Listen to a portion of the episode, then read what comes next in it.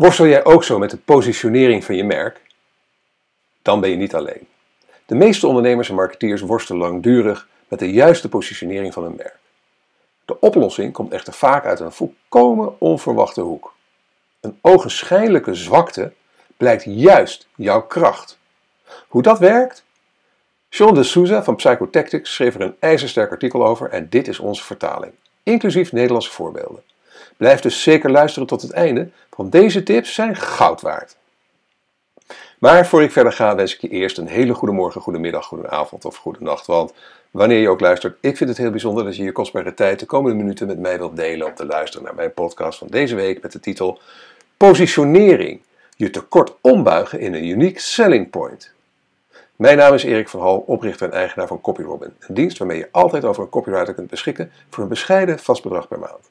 En natuurlijk oprichter en hoofdredacteur van MediaWeb, de Nederlandstalige blog en podcast over digital marketing speciaal voor mensen zoals jij en ik. Vind je het lastig om uit te leggen waarom je slimmer, beter, groter, unieker, innovatiever of goedkoper bent dan je concurrenten? Nou, laten we eerlijk zijn, soms is dat gewoon niet zo. In plaats van claims te doen die niet waar zijn, kun je ook gebruik maken van een sluwe marketingtechniek die, mits goed uitgevoerd, je zwakkere punten juist ombuigt in een sterke positionering van je merk.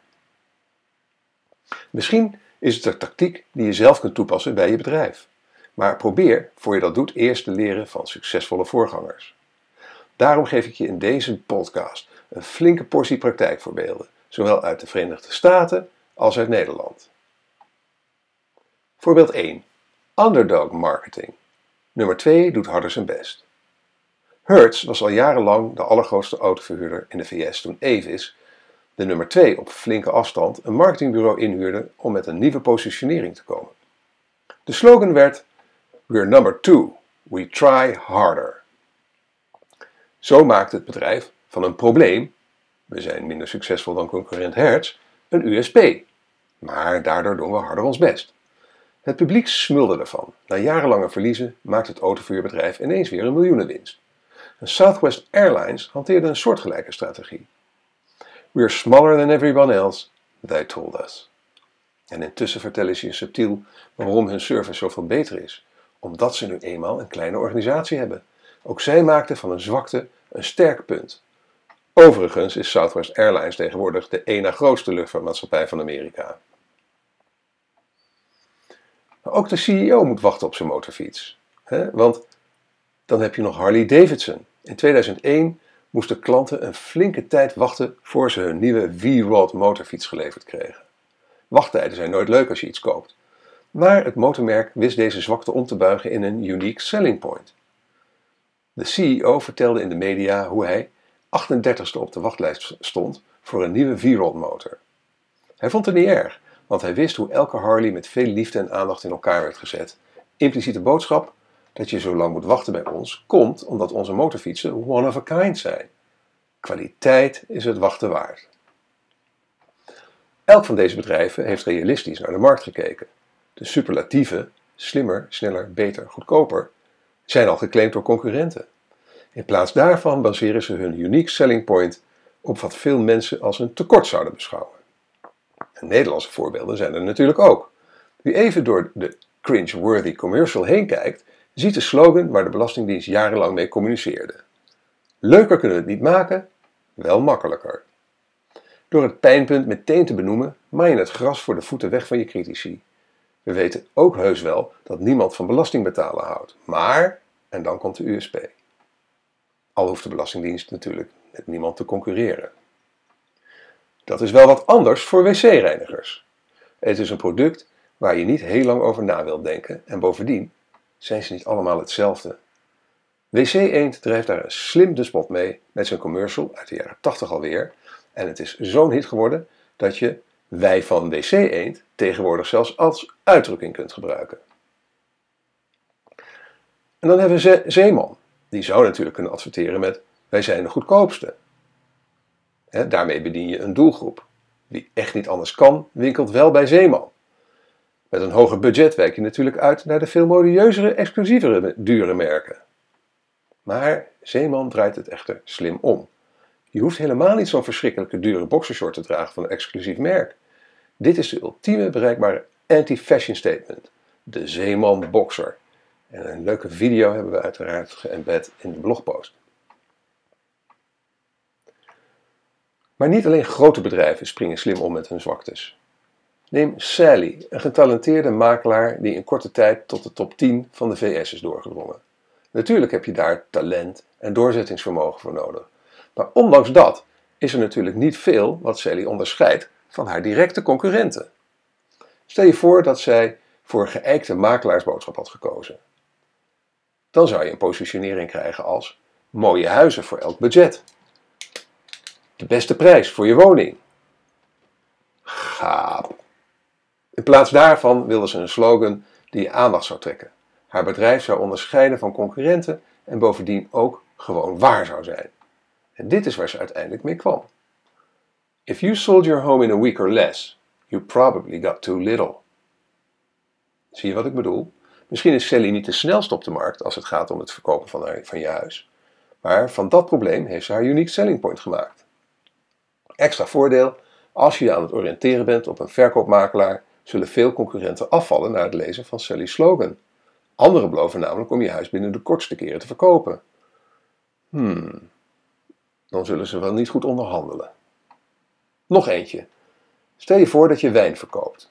Voor jou nog honderd anderen, toch? Waarom zouden klanten uit al die variatie jouw merk moeten kiezen? Omdat je de fruitigste of smaakvolste bent? Dat zegt de rest ook. Het Californische Paul Masson bedacht al decennia geleden het volgende simpele statement. We will sell no wine before it's time. Net als bij Harley Davidson, weer de impliciete boodschap: wachten is niet erg, je krijgt er juist kwaliteit voor terug.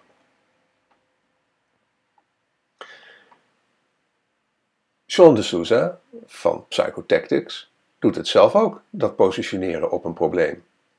Want, en nu spreek ik even namens Sean uiteraard, toen we met de website psychotactics.com begonnen, hadden we een soortgelijk probleem.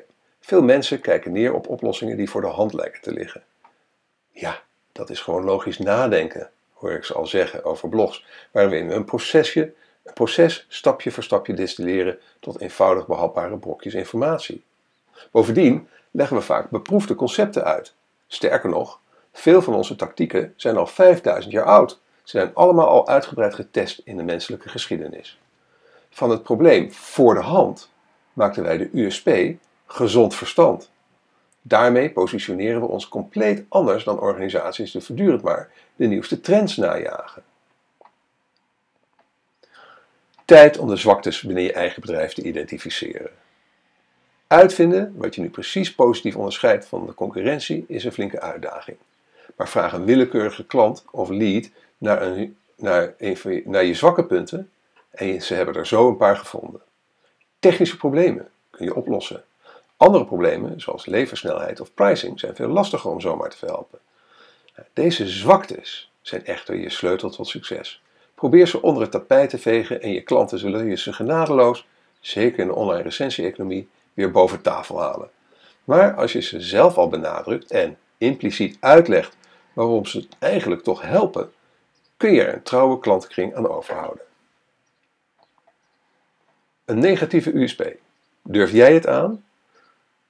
Nog wel even een disclaimer. Een negatieve USP verzinnen is een riskante aangelegenheid. Het kan ook doorslaan de andere kant op, dat klanten er cynisch over worden. Stel dat je voor PostNL ineens gaat communiceren dat hun pakketje niet altijd op tijd aankomen. Maar ja, Joep van het Hek zal er in zijn column genadeloos hard van maken.